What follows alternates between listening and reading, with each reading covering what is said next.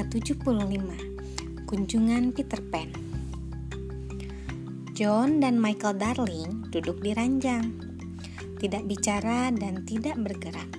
Mendengarkan dengan cermat ketika kakak perempuan mereka, Wendy, menceritakan satu lagi kisah tentang pahlawan favorit mereka, Peter Pan. Sementara itu, anjing sekaligus pengasuh mereka, Nana, terlelap tenang di bawah jendela kamar anak-anak keluarga Darling yang terbuka. Kemudian Wendy berkata, dengan ayunan cepat pedangnya, Peter Pan memotong tangan Kapten Hook sampai putus. Michael dan John terkesiap. Nana juga kaget dan melompat berdiri. Tetapi Nana bukan dikejutkan cerita Wendy. Ia mendengar suara aneh yang berasal dari luar jendela. Nana berdiri menghadap jendela, memasang telinga, menunggu suara itu terdengar kembali. Itu dia. Tanpa terlihat oleh anak-anak yang sedang tenggelam dalam cerita, Nana berjalan ke jendela dan menjulurkan kepala keluar.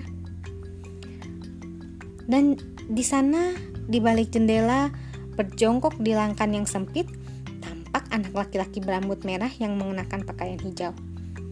Nana terpaku, lalu perlahan-lahan menjulurkan kepala ke arah anak laki-laki tersebut sambil menggeram memperingatkan. Shh, Nana, bisik si anak laki-laki.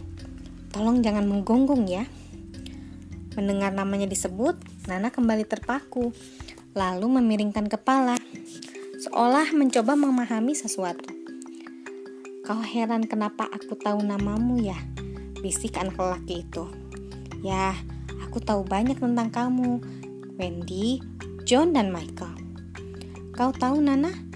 Aku sering kemari untuk mendengarkan cerita-cerita Wendy. Cerita-cerita tentang aku.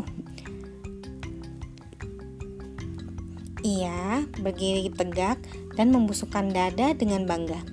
Akulah Peter Pan.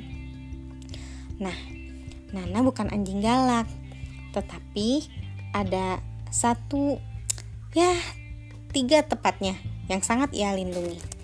Dan mereka adalah ketiga anak dalam kamar itu. Nana tahu dialah yang bertanggung jawab memastikan keamanan dan keselamatan mereka. Ia juga tahu bahwa bocah laki-laki asing yang jongkok di luar jendela kamar anak-anak, Peter Pan, atau bukan, tidak boleh dikasih hati.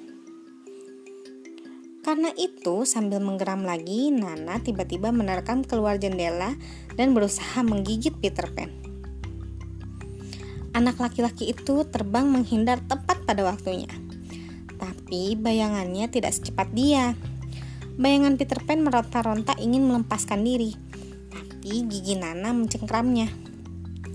Peter Pan begitu kaget sampai terbang pergi ke tengah kegelapan malam dan memulai perjalanan pulang ke Neverland. Namun, ia tahu ia harus kembali untuk mengambil bayangannya. Ia harus datang lagi ke kamar anak-anak keluarga Darling dan segera. Dan saat itu, ia harus masuk. Sekian. Terima kasih telah mendengarkan.